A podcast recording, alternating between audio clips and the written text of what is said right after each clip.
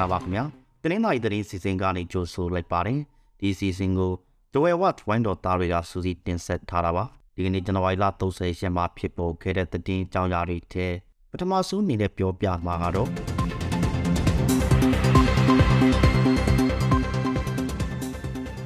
ကျွန်တော်တို့ထေးသေးစခန်းကမြန်မာအလုပ်သမားတွေဆန္ဒပြတာကိုရပ်ဆိုင်းလိုက်တဲ့အကြောင်းဖြစ်ပါတယ်နေရပြန်ဖို့ဖေးဖို့အရေးနှစ်ရက်တာဆန္ဒပြတောင်းဆိုပြီးမှာတော့ ရနောင်းမြို့ထေးသေးစခန်းကမြန်မာအလုပ်သမားတွေဆန္ဒပြတာကိုရန်နာလိုက်ကြပါတယ်။ဖေဖော်ဝါရီလထဲမြန်မာနိုင်ငံကိုပြန်ပို့ပေးဖို့ညီနိုင်သဘောတူညီချက်ရသွားတာကြောင့်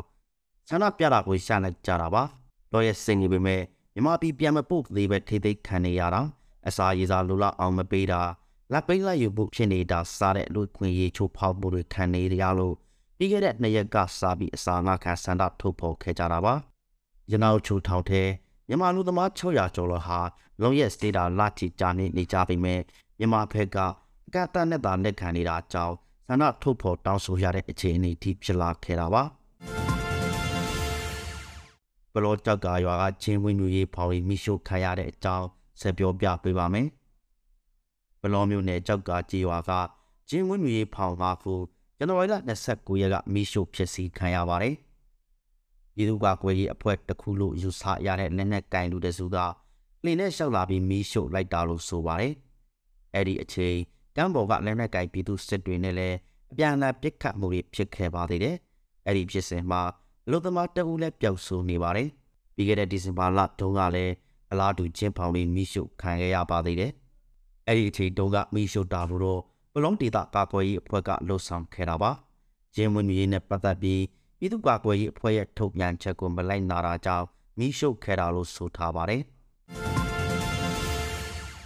ဆက်လက်ပြီးတဝဲမြစ်အနီးကမောင်မဲရှောင်ရွာမှာစက်ကောင်းမိုက်ဆွဲခံရတဲ့အကြောင်းပြောပြပါမယ်။ဒီပရမြို့နယ်ဘက်ကနေတဝဲမြို့ဘက်ကိုမောင်းနှင်လာတဲ့စက်ကားနှစ်စီးဒီကနေ့ဇန်နဝါရီလ30ရက်မနေ့ပိုင်းကမိုက်ဆွဲတိုက်ခတ်ခံရပါတယ်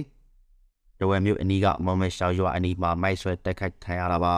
။မိုက်ပောက်ကွဲပြီးမှတော့ ကားလမ်းမပေးမှပြားသည်ပေါ်ဟင်းသည့်ဟင်းရွက်စိုက်ပြိုးနေတဲ့မမရှောင်းရွာသားသားဖတ်နှစ်ဦးကိုဖမ်းဆီးသွားတယ်လို့ဆိုပါတယ်။တဝဲရီပြူလမ်းပိုင်းဖြစ်တဲ့မမရှောင်းအနီးမှာစကောက်စီတပ်တွေမကြာခဏမိုက်ဆွဲခံရလိရှိပါတယ်။ကြောင်ကြောင်မပြုတ်ဖို့လာတဲ့သားဖာနှစ်ယောက်ပြစ်ခတ်ခံရတဲ့အကြောင်းနားစီရမှာပါ။ရေရဘုရားကျောင်းလာတဲ့တဲ့သားဖာနှစ်ယောက်ပြီးစောတိအဖွဲ့တွေရဲ့ပြစ်ခတ်တာကိုခံလိုက်ရပါတယ်။အဲ့ဒီပြစ်ခတ်မှုဟာ ကျွန်တော်တို့29ရက်ကရေဖြူမြို့နယ်မင်းသားကြီးဝါမှာဖြစ်ပွားခဲ့တာပါရိခခါရသူကတော့ကလင်အောင်မြို့မိုင်60ရွာမှာဥယျာဉ်ချလောက်ကိုင်းနေတဲ့ဦးမင်းလာနဲ့သားဖြစ်တဲ့သူမောင်အောနေသားတို့ဖြစ်ပါတယ်ရိခမို့ကြောင့်အသက်16နှစ်အရွယ်မောင်အောနေသားပါထိမှန်ပြီးတဝက်စီယုံမှာအရေးပေါ်ကုသနေရတယ်လို့ဆိုပါတယ်ပုံမှန်လာနေကြအတိုင်းတနင်္ဂနွေနေ့ဘုရားကျောင်းမှာဝတ်ပြုဆုတောင်းဖို့အလားလမ်းမှာပြူစောတိအဖွဲ့တွေကစိုက်တဲရခိုင်းရာကိုရမ်းမဲ့ပေးတာကြောင့် ပြစ်ခတ်ခဲ့တာလို့ဆိုပါတယ်။တန်ရအပြင်းထန်ရှားသွားတဲ့မောင်အော်နီသားရဲ့နောက်ဆက်တွဲချင်းတွေကိုတော့မသိရသေးပါဘူး။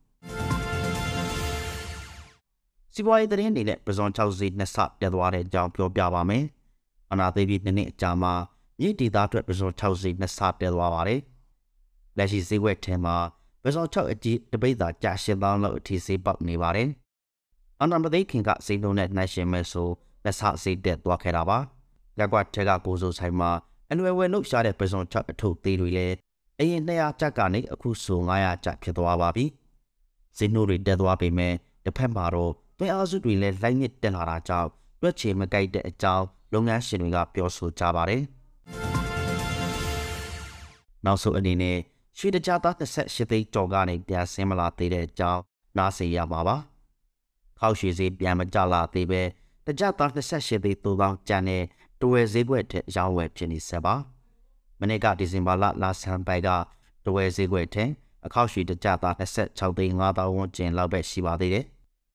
အဲ့ဒီလာလက်ကိုဘိုင်းကနေတောက်လျှောက်တက်သွားတဲ့ရွှေဈေးဟာဒီကနေ့အထိပြန်မကျသေးပဲ28သိန်း3000ကျမှပဲရှိနေသေးတယ်ဆိုတဲ့အကြောင်းတင်ဆက်ပေးလိုက်ရပါတယ်ခင်ဗျာခုလိုနားဆင်ပေးခဲ့တဲ့အတွက်ကျေးဇူးအထူးတင်ရှိပါတယ် မြန်မာနိုင်ငံသူနိုင်ငံသားများကပ်ပြီးပေါင်းကနေအများဆုံးလုံးမြောက်နိုင်ပါစေလို့ Dwell Watch Wine တော်သားများကဆုမောကတောင်းအပ်ပါတယ်ခင်ဗျာ